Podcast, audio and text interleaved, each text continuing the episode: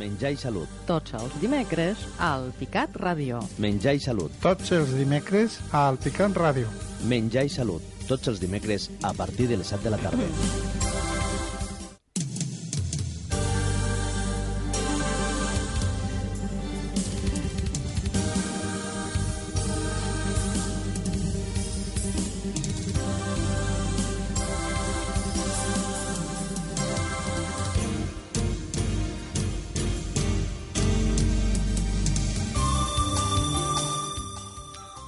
Molt bona tarda i benvinguts, amigues i amics de Menjar i Salut, el programa radiofònic per la tarda dels dimecres sobre nutrició, salut i bona cuina.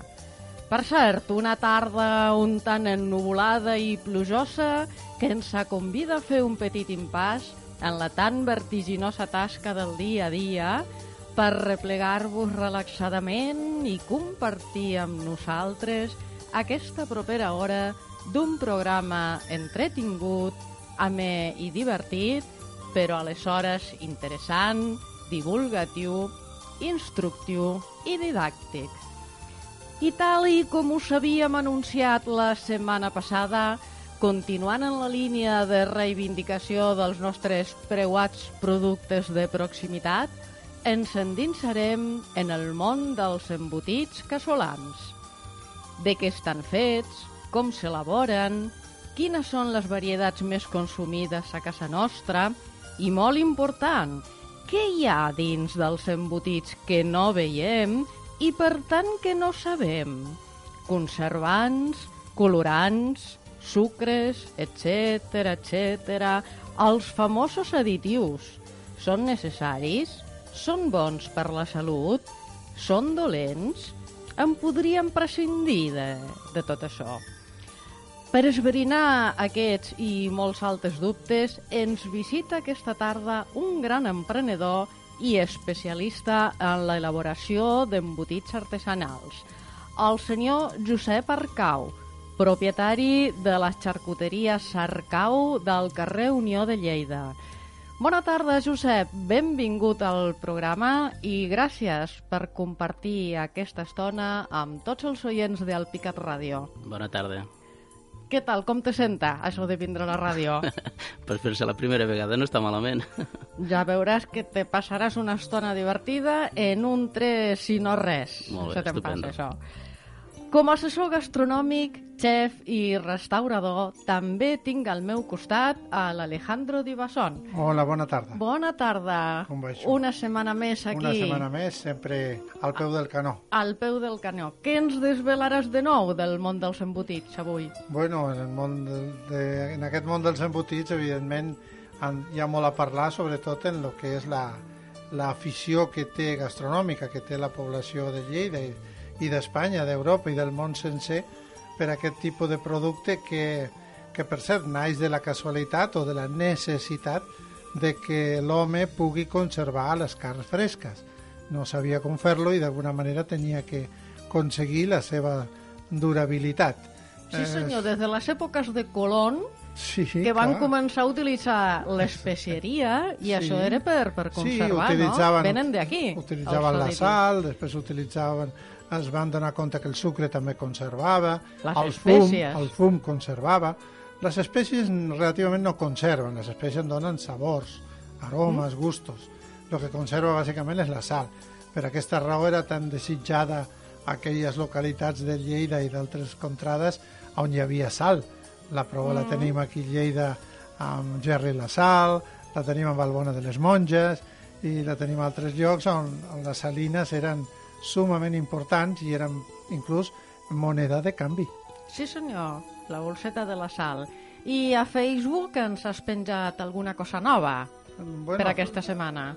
No, simplement he, he fet una foto, he penjat una foto dels embotits i, bueno, i que parlaríem amb el Josep que donarà gust als oients escoltar-lo. Que es poden fer bones receptes a base d'embotits casolans, Bueno, Alejandro? no, no acabaríem mai, no Sí? acabaríem mai. Fredes, calentes... Bueno, bàsicament l'embotit és bo per tal com és natural. El que passa que es pot tractar de certes maneres per, per donar un canvi, per no avorrir-nos sempre menjar-lo de forma natural. però eh, receptaris molts, sobretot com ha dit, com a complements de menjars. Per exemple, què seria d'un bon estofat de llentia sense el seu xoricet? Per exemple. Per exemple. No? El... Què seria no. de- d'un bon cargols a la gourmanta sense la seva cansaladeta i el seu pernil? I quin seria el maridatge perfecte per un bon embotit? En matèria de vins. Ah, O de vins o, o d'altres d'altres acompanyaments. La no sé, llentia seria un maridatge diuen perfecte. que el formatge, per exemple... El formatge com a, com a complement d'uns aperitius, sí, perfecte. I en el tema de vins, sempre buscar un vi negre jove, no massa, ma- no, no massa criança, per no amagar aquells sabors que ens vol expressar l'embotit. Ara, si l'embotit, per exemple, és molt picant, necessàriament que ser un vi que ha passat per fusta, un criança, un reserva. Per això és típic a la Rioja trobar-nos en plats com les potxes o les mm. patates amb chorizo picant, o les potxes també amb embotits, i evidentment els seus vins de criança són ideals perquè no solament suporten la fortor del picant, sinó que lo enalteixen. I sembla que aquesta paraula dita en, una, en, un, en un entorn gastronòmic no és prudent, però Sí, no, és sí. veritat, un bon picant amb un bon vi enalteix el plat. Ressalta els aromes, els Correcte, sabors... i les dona a cadascú la seva propietat organolèptica. Eh, Ens diu realment el que cadascú d'ells ens vol dir. Si lo prenem amb aigua, t'asseguro que unes patates amb chorizo... Ui, Déu-n'hi-do, no? Que malament que caurien. El que no pot prendre vi, evidentment, tindrà la desgràcia, eh, com ser seca granada, de tastar-se unes potxes amb aigua. Però bueno, això... I el, el pernil dolç es pot considerar un embotit? Sí, sí, evident, perquè està conservat. Sí, perquè està conservat. És aquest el... Els embotits, bàsicament, la- per això deixem-lo deixem parlar al Josep, que és el que, Sí, sí. el que en sap de tot això.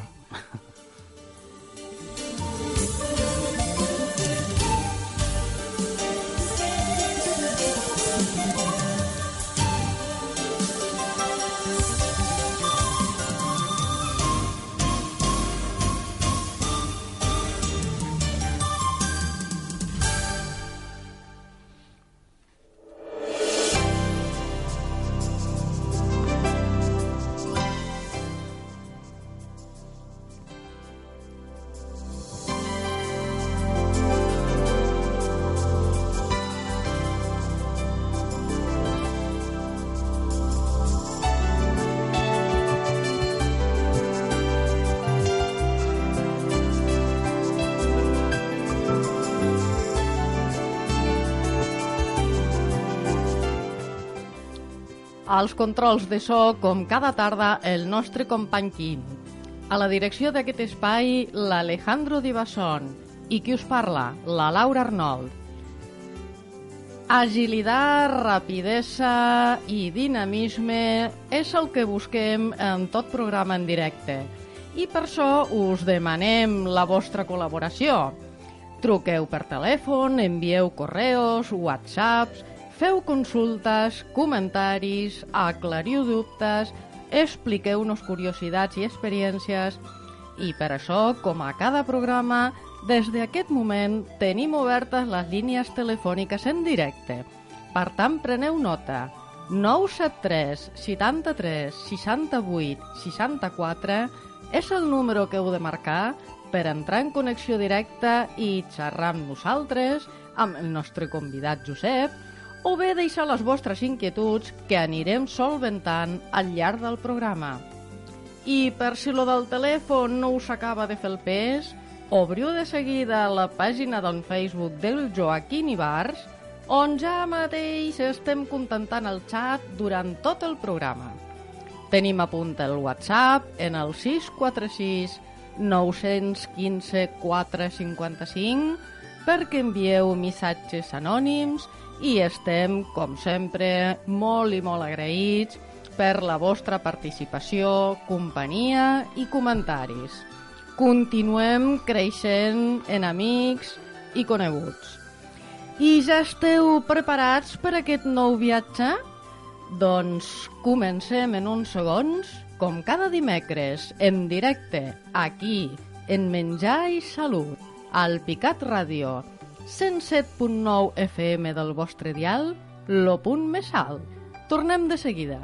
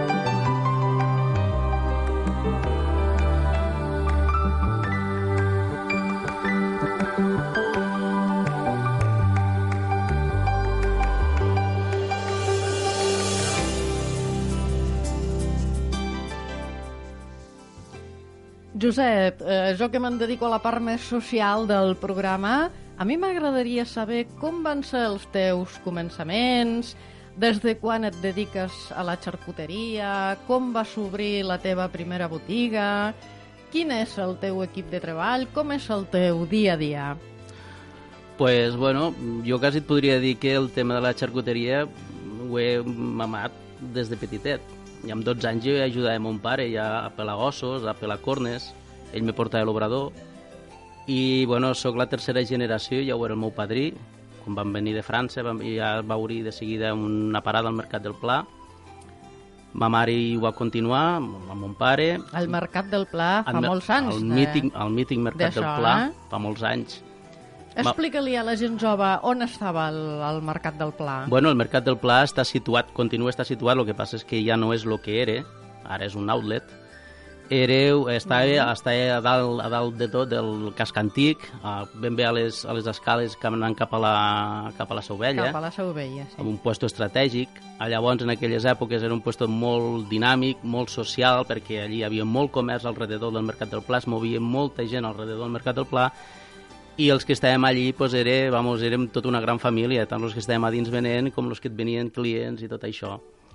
Bueno, pues, els meus padrins s'hi van establir, van estar molts anys, s'hi van jubilar, els meus pares van continuar, jo vaig agafar un, un any fins que, bueno, ja van, l'Ajuntament va decidir que allò havia de plegar, jo vaig marxar, vaig posar a treballar per compte no pròpia, set anys vaig estar, fins que em vaig tornar a establir, ara fa 10 anys, aquest mes fa 10 anys que em vaig tornar a establir per mi mateix, reprenent una altra vegada l'activitat familiar.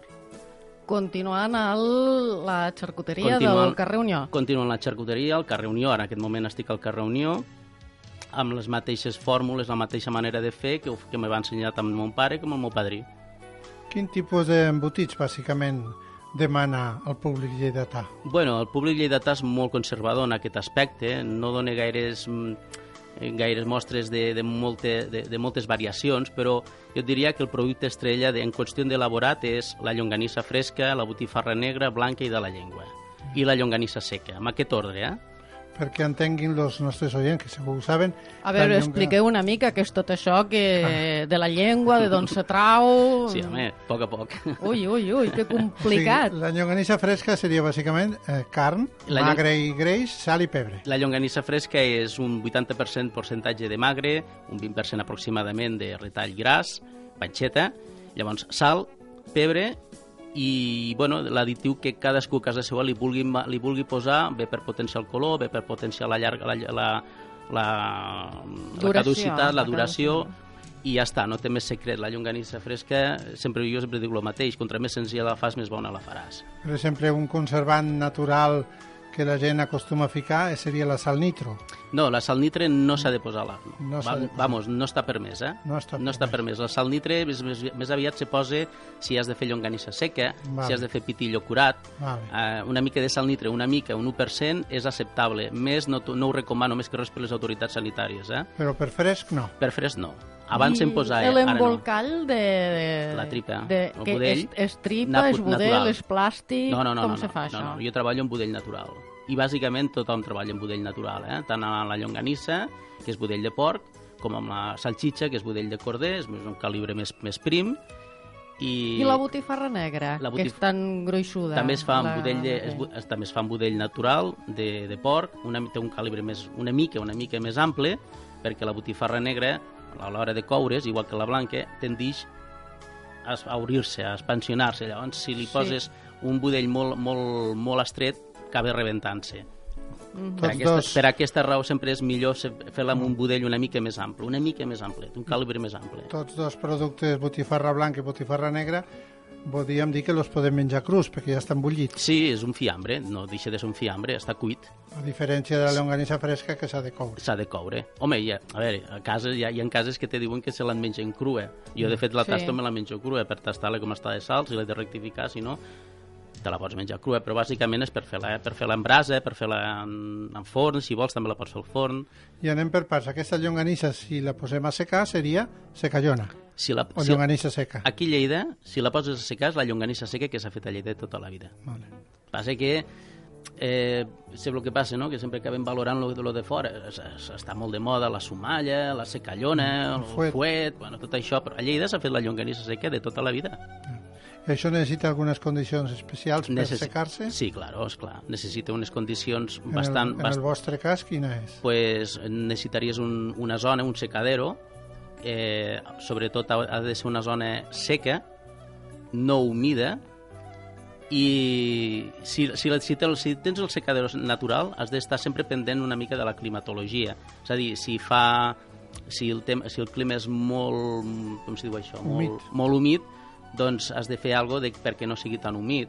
Llavors, lo, ideal sigui que siguin climes secs, que el clima sigui sec, que passi una mica de vent, que tu puguis sec- assecar, si no tens també la possibilitat de secar-ho amb secaderos artificials. Llavors l'atmosfera és controlada, tu ja controles les atmosferes, les temperatures, els temps de secatge ja són més... Però no és el teu cas, aquest. No, no és el meu cas. Jo Tu tinc el, lo fas jo tinc el el- secadero... el secadero Sí, natural. a l'obrador tinc una, una zona on hi ha un dels secadors natural.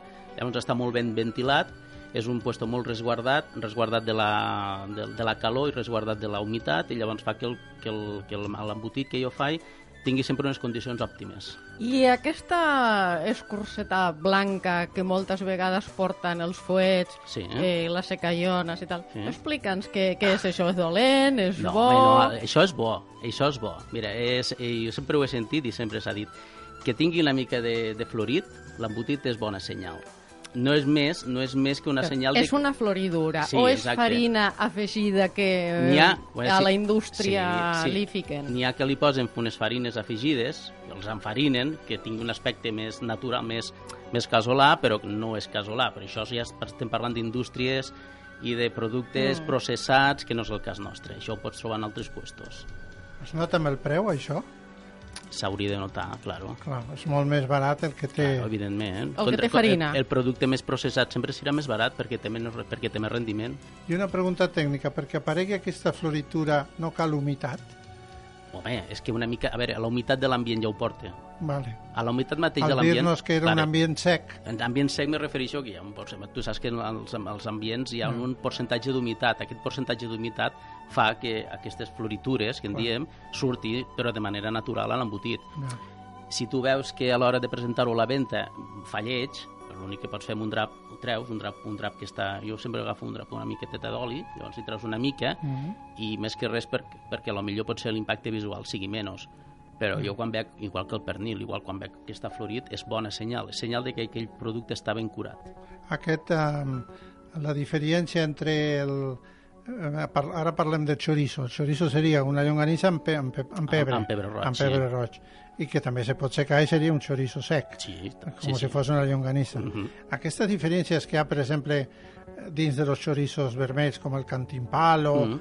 o el chorizo de león, Sí. això que és degut al tipus de, de pebres que utilitzen No, no, en en la curació, bàsicament. en la curació. En la curació i a vegades també en l'adob.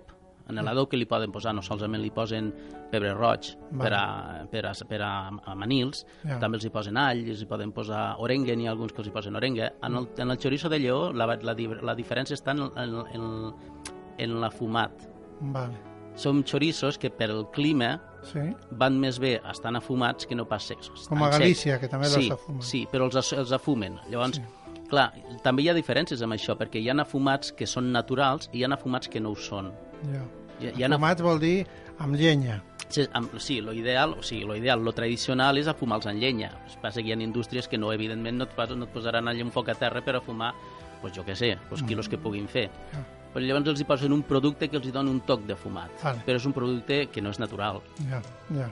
Sí, com també hi ha farines que tenen gust a llenya, Mm. perdó, que eh, te diuen pizza feta al forn de llenya. Posen És aquella- la farina que té gust a de llenya. sí. Que avui en dia hem de ser molt cuidadosos i per això la importància, que per això Mm. t'hem convidat, de lo que és el producte de proximitat, el producte Mm. artesà.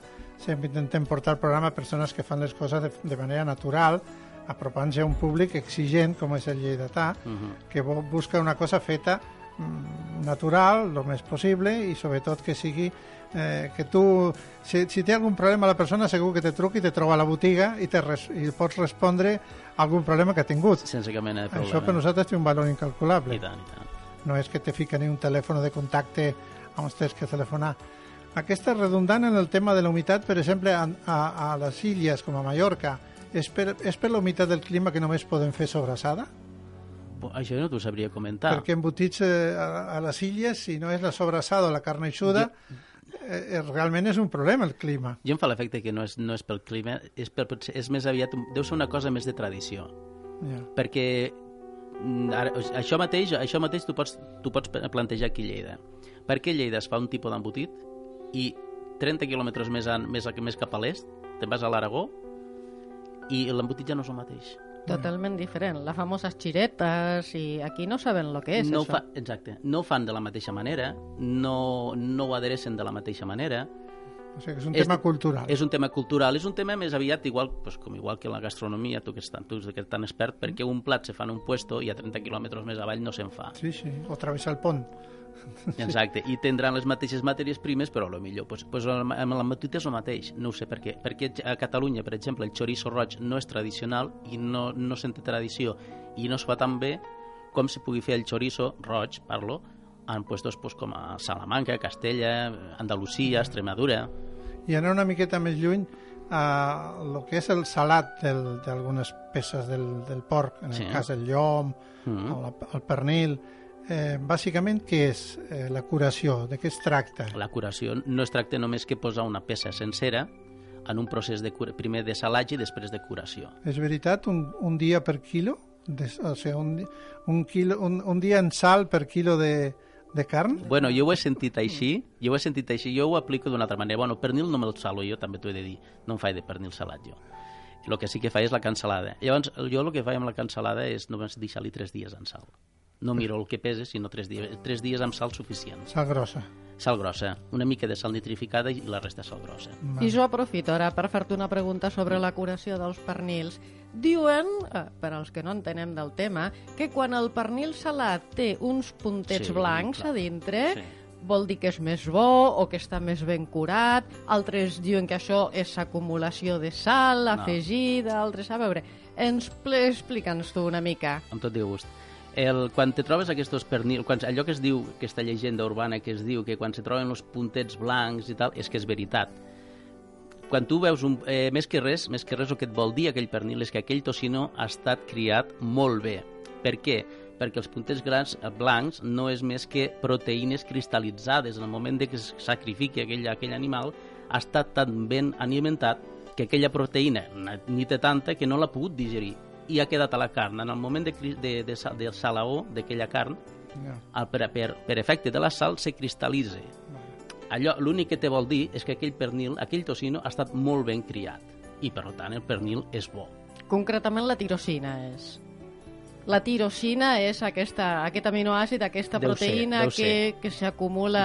Ser, en no, el- en aquest nom no el sé. Lo que I sí que... això està lligat a l'alimentació i, per tant, al preu o al, Està a la lli- qualitat del... Està lligat a l'alimentació, però, clar, si aquest pernil no està ben curat o no té prou, prou temps de curació, tampoc voldrà, no voldrà dir res.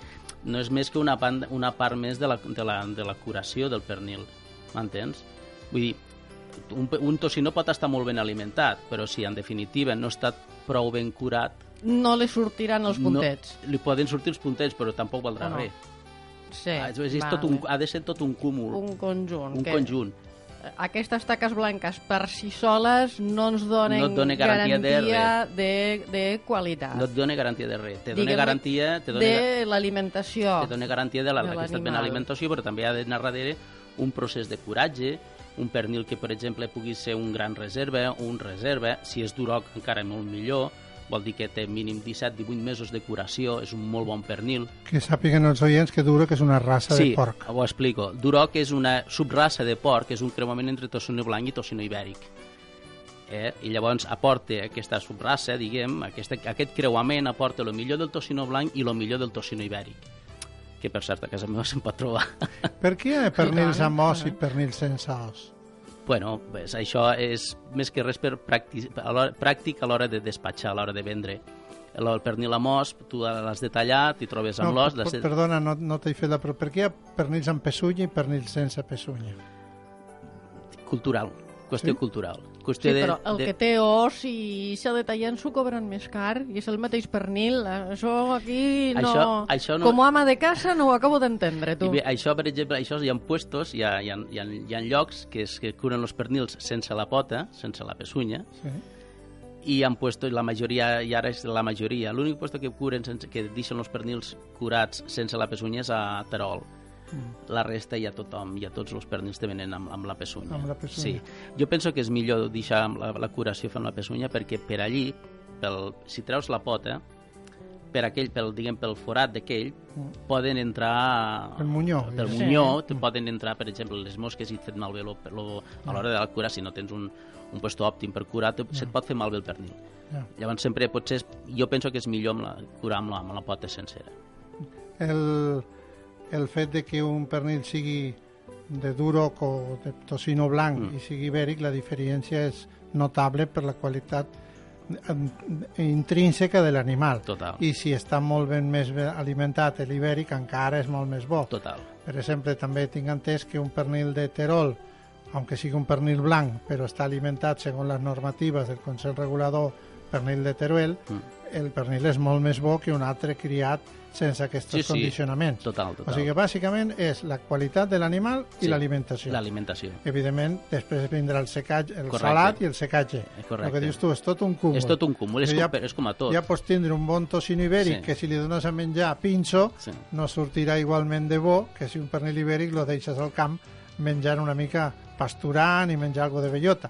I si menja molta bellota encara serà molt més bo. Llavors ja... Ja seria de clar. Sí, sí. Clar, aquestes, aquestes categoritzacions el públic no està informat No, realment. no, i sobretot amb el pernil ibèric, eh? Ja, jo me'n me'n trobo molt allà a la botiga que a dia d'avui me fan explicar quina és la diferència entre tocino, tocino blanc, bellota, ibèric, què significa tot. De recebo, de de, rece- bodega... Ja no Recebo ja no existeix, existeix, ja no de fet, existeix, perquè han, van unificat les dos, les dos diferències de, de cebo i de recebo, van unificar tot a, a cebo. Ara ja només és cebo, però és que encara te'n diré una altra. Encara fa poc van treure unes, unes normatives que també ja influïa inclús hasta el percentatge que tenen a la sang de no sé quina... No, sé, una història molt llarga que jo, jo em vaig perdre ja en la primera ja. I el salchichón, Josep, què és el salchichón? El salchichó, doncs és, és? el salchichó és un embotit curat, és blanc perquè no s'utilitza pebre roig i és bàsicament pues, eh, un percentatge molt alt de carn magra, de retall magre, i un percentatge entre un 20 i un 30% de retall greix, amb sal, pebre i, bueno, pues, ja està. I per què li diuen al chorizo, chorizo cular, al per, gros? el cular per la forma, per la, el, el, el chorizo cular se li diu cular per la forma de la, del budell. Va. Normalment abans el Quines xoriç, preguntes que fas tu també, eh? Oh, no? Cular, és que, és que tu precisament se- cau s'utilitzava per si mateix. s'utilitzava per a embotir el chorizo un, salchicho, un tipus de budell que es deia culana, d'aquí ve el, el culana cular. Vale. Chorizo cular de la- d'aquest precisament d'aquest tipus de budell que en el temps s'ha fet més sintètic i s'ha fet una forma més diguem, més, més arrodonida, més bonica a la vista. I què és una sarta i una vela? La sarta és la mitja, la mitja ferradura i la vela és lo que, com te pots imaginar, la Allargat forma de vela és una la llargada. Sí. Va. Llavors, quan tu te parlen d'un chorizo sarta... És simplement la forma. La mitja, exacte, la, forma, la forma de herradura i quan et parlen de chorizo vela és la forma que té pues, de vela, tota una peça allargada, prou. Molt bé. Atenció, sembla que tenim una trucada. Endavant, control. Qui ens truca? Pues sí, tenim aquí una pregunta que no, justament no és del cas d'avui, sinó que és del programa dels formatges. Alejandro, prepara't. Sí, aquí tenim la Rosa Vidal, que ens pregunta eh, què tindríem que tenir en compte a l'hora d'adquirir un formatge de cabra, eh, els ingredients que té a l'etiqueta per saber si és un bon formatge o un formatge que diuen que només és bo. Només el de cabra. Bueno, aquí parlava el de cabra, però com que l'altre dia el, el que vam parlar va ser molt de formatge sí, de tal cabra. com va explicar el nostre convidat, eh, que era el... el Ella, perdona un segon, diu, perquè clar, jo me miro l'etiqueta, Sí, diu, allí veig una sèrie d'ingredients sí. i jo no sé si Que no te quadren, no, amb el formatge? No, no, diu, ja, diu, llegeixes allí, diu, però clar, diu, jo no sé si aquest és millor que aquell, diu, pel que llegeixo. A veure, Diu, L'altre dia, diu, me va deixar una miqueta d'intrigada. una, una de les qüestions que ha de tindre molt clara a l'hora de llegir l'etiqueta és que sigui de llet crua. De llet crua. això és fonamental. Perquè I quin percentatge de llet, eh, no sé si ho posen a les etiquetes, però ho hauríem de posar, no? Bueno. Ha de tenir un bon formatge. no, percentatge de llet, no, és tota llet. Ha de posar 100%. No, no, no, no cal que el posi. És que no, no es concebeix un formatge. Ah, amigo. Això, això, això pregunto jo. Sí, clar, és que, clar, jo suposo que aquí No, va no, vindre no, el dubte no. d'aquesta senyora. No, no, només posarà elaborado con leche de oveja, cabra o vaca o los tres, o los dos, o Mm. monovarietal, per dir una manera. Sí, però una de les coses bàsiques que té que mirar en l'etiqueta és que sigui de llet crua. Això implica que la llet no està pasteuritzada. Per tant, totes les qualitats de la llet per la pastura que menja l'animal estaran presents en el formatge. Vol dir que la llet crua no significa que el formatge tingui perills eh, digestius ni sanitaris, de cap de les maneres. Està tot controlat. I després un altre tema que no apareix a l'etiqueta, però sí en l'aspecte, és que tingui una fongaire fora, que tingui algo de fongs, que impliqui que el formatge està ben curat i que han fet, eh, han fet acció tant els songs com els fermentos perquè el formatge tingui una escorça especial. Lo que, eh, que eh, mm, visualment presta a no a confusió, sinó a que les coses no van pel bon camí, són aquelles escorces que tenen marques de, de, de mollos. No sé si m'explico. Sí, allò que et sembla que... Bueno, que, Sí, que, que, és- té és unes ratlles o unes rodones. Això implica que està pintat amb una cera comestible amb la forma del motllo, amb el dibuix del motllo. És com aquells mm, que van a comprar pa i diuen que és, que és casolà el pa. Sí, sí, sí, li dones el tom i resulta que té les marques de, del puesto on el forn s'ha ficat al forn. el, el, o sigui, la, la, La reixeta. la reixeta, exacte. Sí. Eh, són aquestes coses que, bueno, han de, ser, han de vigilar-se. Però en el cas dels formatges, a l'etiqueta s'hi fica llet de cabra cru, de llet crua, ja és una garantia. Una garantia... Con, Després ha de dir que té cloruro, cloruro de, de sodio, això està clar, que ha de tindre fermentos i que ha de tindre pues, pues, algun producte. Ara, si comença a ficar que té la E no sé què del colorant, la E no sé quant del conservant. Aquí ja entrem en un ja- terreny que- que- relliscós. D'ell torna-ho a deixar puesto on l'has trobat que i, diu, i, estar- i surt corrent. Diu, vaig estar en, en un súper a buscar formatge de cabra. Diu, vaig sortir sense comprar. Diu, no sabia què comprar. Ja, ja. Claro. Diu, preguntaré, diu, perquè, claro, diu, vaig anar allí, vaig començar a mirar les etiquetes, clar, un que està embolicat a- a- en plàstic, l'altre que està ahí sense embolicar, l'altre que el ficaven hi ha porcions de tacos, que allí a les etiquetes ficaven 60 coses, diu, va ser la no, no, repera. quan menys coses diu, millor. Diu, és cert, i vull dir, eh, he fet aquesta refenya, però és que després em va tornar a trucar cap d'un rato per, per fer-me el comentari. Va ser jo ni, ni sabia dir, jo no et puc explicar res, dic, sóc un consumidor com tu. Jo no i, és per tirar a terra a ningú, però el lloc més indicat per anar a comprar un formatge de cabra d'aquells que vols que siguin bons eh, són botigues especialitzades, inclús la, la, la xarcuteria del nostre convidat No, d'avui. I a més de debò, perquè és el que en toco. Arcau, clar. En toco. Eh, És que un supermercat és com anar a comprar un vivó. Lo ha tocat 40.000 Ui. persones abans que el compres tu. I un vivó, evidentment, ha d'estar quiet, cuidat, no pas mirant l'etiqueta. Eh, Ja, clar. ja, però clar, el consumidor, Jo no és si que no li vulgui- expliquem algunes coses, jo no dic que hi vagi en un supermercat, però si realment vol un producte de qualitat artesà, Depèn del tipus de formatge que vagi a buscar. clar. No digues que, clar, com que havíem fet el programa aquest, me vaig trobar un demà, em vaig trobar el correu aquí. I no va bastar amb això, sinó que quan vam acabar el programa del matí em truca, i diu, Quim, que has rebut lo que, la pregunta que t'he fet? Dic, sí, dic, però avui no hi ha el programa. Dic, Bueno, jo no te puc contestar Carai, això. esperem que la senyora Rosa No, sí, que sí, surti que sí, que- satisfeta que- amb la sí. Sí, contesta. si no que torna a telefonar si té algun dubte més, per això estem. I si vol vindre també, aquí la rebrem. Ja li vaig dir, li vaig dir, eh, la vaig convidar. sí. I si no, quan vagi a la botiga a? Lleida, al carrer Unió, a la botiga del Josep, Ah, ho pregunti. Sense cap mena de problema, jo la- l'assessoraré amb el que li faci falta. Exacte.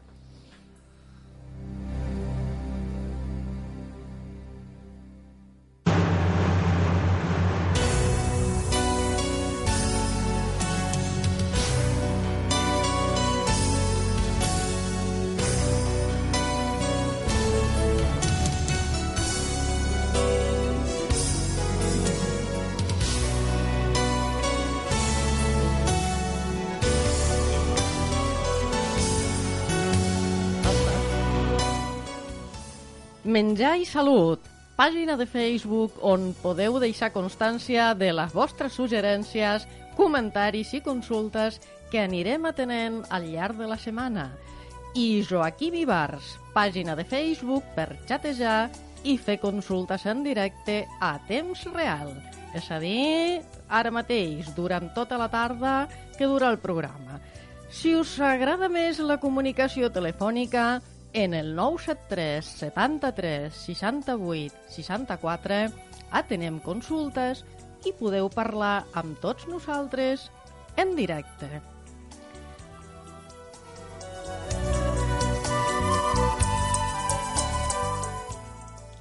En l'alimentació convencional, a part dels adobs químics amb quantitats inhospitades de nitrats, els herbicides, els plaguicides i els pesticides, existeixen els additius alimentaris.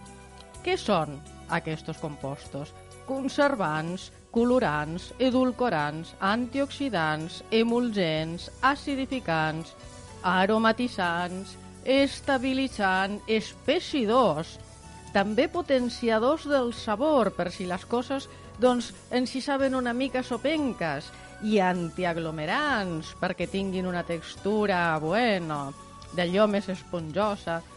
Es poden definir com substàncies que sense constituir un aliment, és a dir, que alimentar no alimenten gens, no tenen cap valor nutritiu, s'afegeixen intencionadament als aliments i a les begudes per modificar les seves qualitats.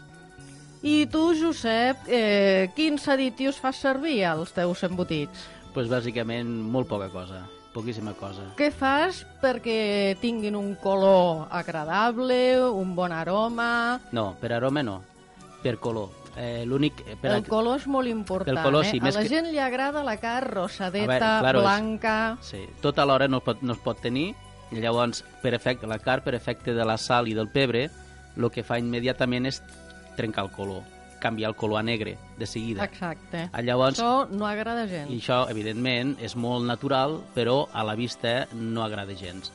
Quina és la manera? La manera de- d'evitar de, això és posar-li no un potenciador de color... bueno, és, és, bà- bàsicament és un potenciador de color, que és el que li poso. A més, és un, és un producte que és homologat, evidentment, es diu Salloa, i és apte, apte per celíacs i intolerants a la lactosa.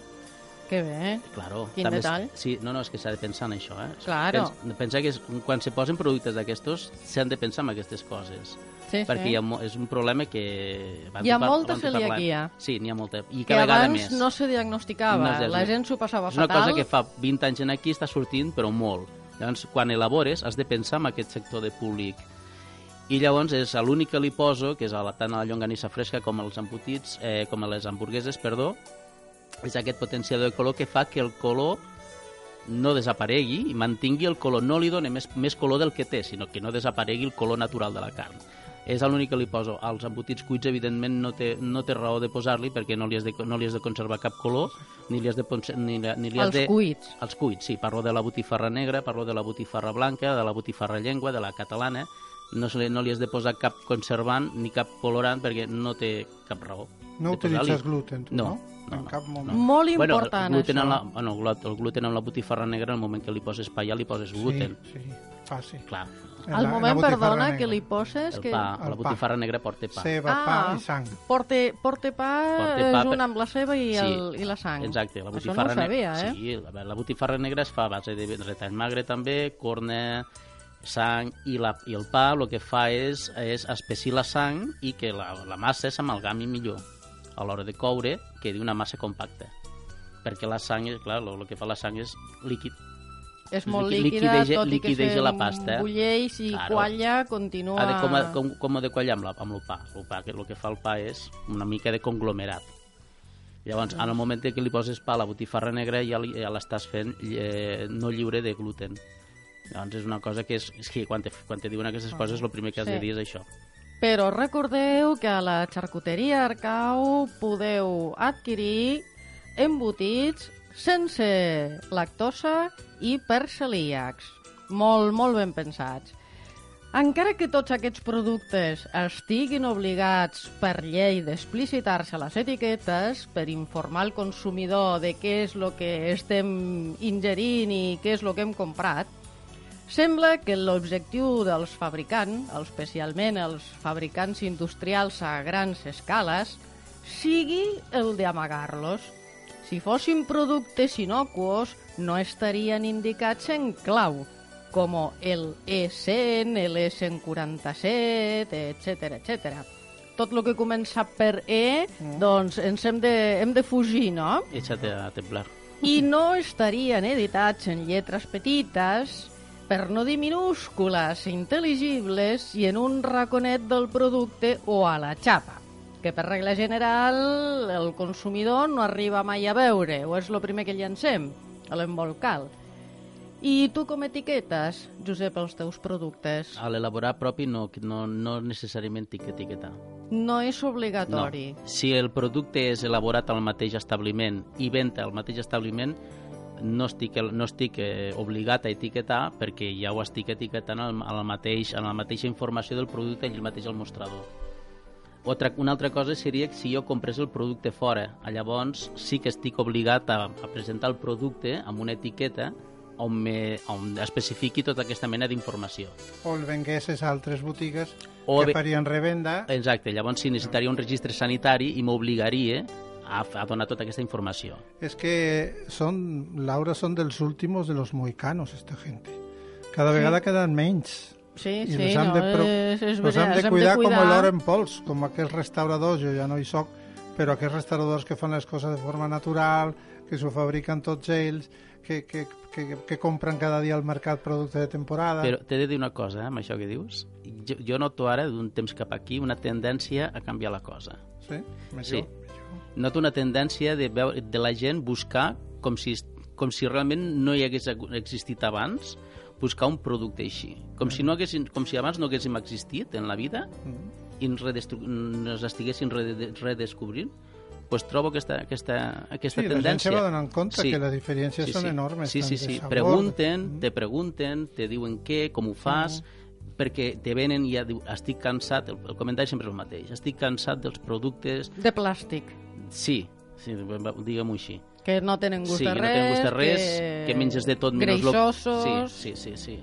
I, i estan, realment estan cansats. Eh? I, i clar, és el que, és lo que a vegades els hi comento. Dic, a veure, una llonganissa, quantes vegades menjaràs de llonganissa a la setmana? Te, Poques, te és compensa. de consum ocasional, claro, s'ha de recordar. Com a tot, és un consum ocasional, perquè tu no, durant una setmana gastaràs, menjaràs de tot, menjaràs carn, menjaràs peix, menjaràs verdura, menjaràs fruita, no menjaràs carn cada dia per dinar i sopar una llonganissa, quan te la menjaràs? Un cop o dos cops a la setmana? Sí, màxim. Te compensa?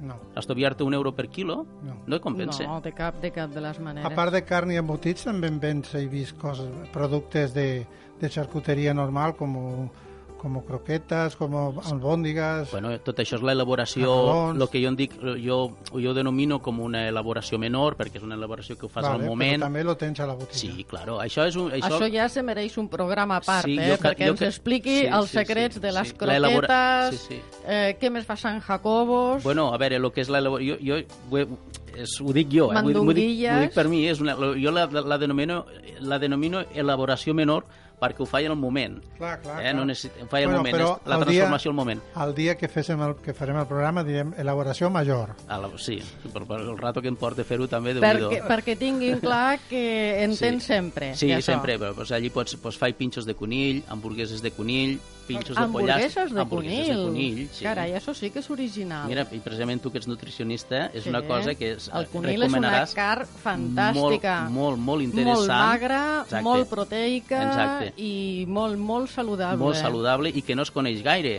I econòmica. I econòmica. Perquè econòmica. ara, precisament... Està passant una crisi tremenda al sector. Sí, sí, sí. sí. I a per més falta de, de coneixement de les qualitats del conill quan és a set un aliment que abans a les cases, vamos, conill se'n menjava, se menjava molt Sí. I és un producte que ha anat, ha anat de menys, ha anat de menys, i només són pues, los que... És molt versàtil, molt a la versàtil. parrilla, a la planxa, mm. a la cassola, el mm. famós conill amb, amb cargols, pots fer com vulguis, que és un conill. plat molt típic d'aquí. I jo pues, m'agrada elaborar perquè és molt interessant, és una, a part de que és una carn molt interessant, m'agrada elaborar precisament per això, és riquíssim. Perfecte.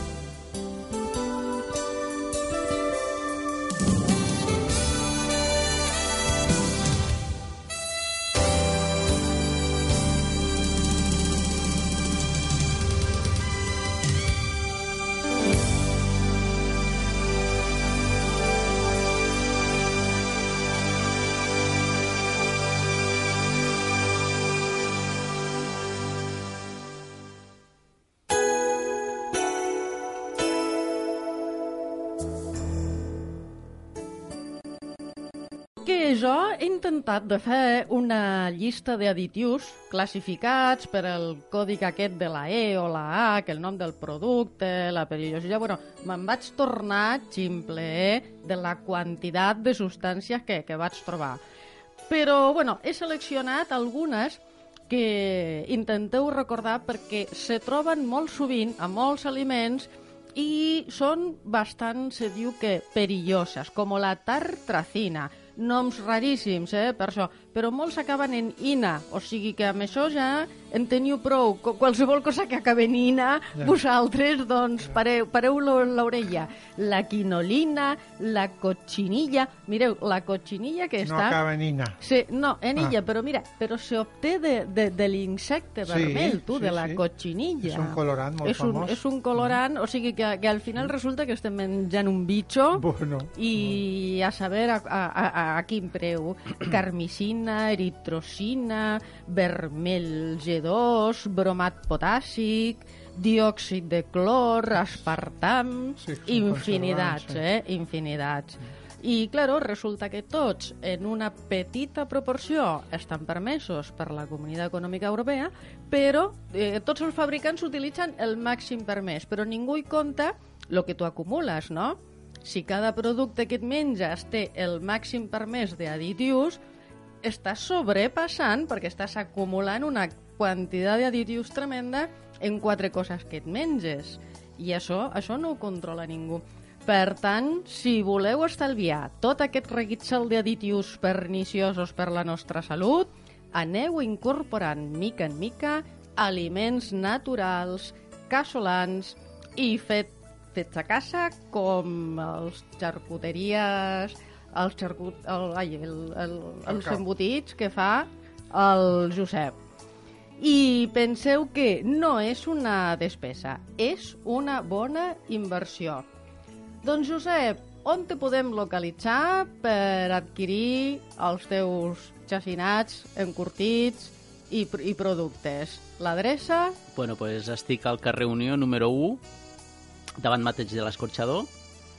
Bueno, l'horari és molt ampli, estic de 8 a 2 i mitja fins a les... Des de, I a les 5 fins a les 9 Podem fer encàrrecs per telèfon? podeu fer encàrrecs per telèfon, per, A evidentment. quin número? 973 28 13 25. Tinc un petit blog, molt, Ah. molt poc operatiu, perquè no, no, la veritat és que no, No no tinc temps de posar-me en aquestes coses, però el tinc per, per, pues, per informació, hi ha gent que s'hi posa, hi ha, sé, sé que alguna vegada hi ha gent que hi posa comentaris. El blog és blogspot, eh, arcaucarnisseries.blogspot.com i, bueno, i si també convé fer repartiments a domicili, sense cap mena de problema, el que convingui. Servei complet. A com està el quilo de llonganissa fresca en aquest moment? En aquesta setmana l'estic tenint a 6,65 al No, quilo. molt bé de preu. Val, Doncs, preu. a més, a més, això és lo bo, bonic i barat. Sí, sí. Vull dir, Doncs, tres quarts i cinc de vuit de la tarda, amics i amigues del Picat Ràdio, arribem així a la recta final del nostre espai. Oi que se t'ha passat ràpid, Ràpid i Josep? divertit, i divertit. Eh que sí? Agraïm, com sempre, a tota la gent que participa, als que ens escolten i als que no s'escolten, però que fan possible que menjar i salut es pugui emetre setmana rere setmana. Moltes gràcies, Josep Arcau, per dedicar-nos aquesta estona amb els teus coneixements i experiència en un món tan quotidià que el toquem tant cada dia com és l'elaboració d'embotits artesans. Moltes gràcies a vosaltres per haver-me invitat. Ens deus un altre programa d'elaboració de, de cuina, eh? que això de les croquetes a mi m'interessa. Per, per mi, quan vulgueu, encantat de la vida, i ho dic de debò, encantat de la vida de, Perfecte. de venir cap aquí. Sí. Tindrem oportunitats. Per mi cap problema, a la vostra nostres- disposició. Gràcies. Recordar, no sé si alguna vegada ho hem dit, que la música que sona al programa Preciosa. és d'un- d'un músic que es diu Lito Vitale. Ah. Argentí de pura Lito cepa. Vitale, bueno, d'origen italià. és una música molt agradable i la podeu trobar a YouTube, a les botigues que en venen discos i demés. I també recordar-vos que aquest programa se torna a emetre el proper diumenge, Sí, dia senyor, avui no t'ho 24, pregunto. a les 6 de la tarda. A les 6 de la tarda, I- els diumenges. I que si no, lo podeu escoltar en el, en el blogspot que fiquem, en el postcat que tenim al Facebook, a la nostra pàgina de Sí, Facebook. senyor, també com tots els programes del Picat Ràdio que estan allà penjats Correcte. per escoltar-los amb retroactivitat. Gràcies, Josep. Moltes gràcies a vosaltres. Alejandro, a tu t'emplaço sense falta per al proper El dimecres. proper dimecres ho tinc Què? difícil perquè anem... Oh, ja, ja hi som, ja lo- comencem. Tot, com dius tu, els experts anem a alimentària, que és Ah, la carai, fira per no? excel·lència. Jo no hi vaig? No, ahir els nutricionistes tenen la porta tancada. Catxi en la mar. Sí, ahir no poden entrar. Allà el que fan és ficar-se les botes. Sí, exacte, sí. de, sí, de tot sí. el que donen. Tot el que No, anem a aprendre, anem a aprendre.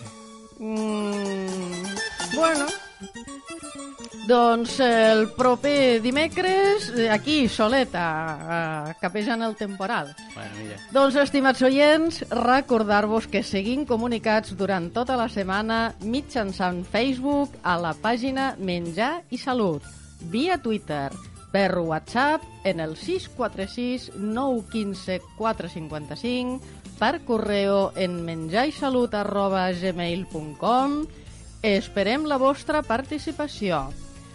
Uh, pels que avui s'hi han despistat, recordeu que a les 6 de la tarda del diumenge tornem a repetir el programa i, naturalment, al Facebook de Menjar i Salut teniu penjat tots els programes que hem fet fins ara. Contestem al xat i a les consultes que esdevinguin al llarg de la setmana. Aleshores, ens retrobem el proper dimecres, 7 en punt de la tarda, aquí, en Menjar i Salut, al 107.9 FM del vostre dial, lo punt més alt, al Picat Ràdio. Tingueu molt bona setmana. Gràcies per acompanyar-nos. Adéu-siau. Bona tarda.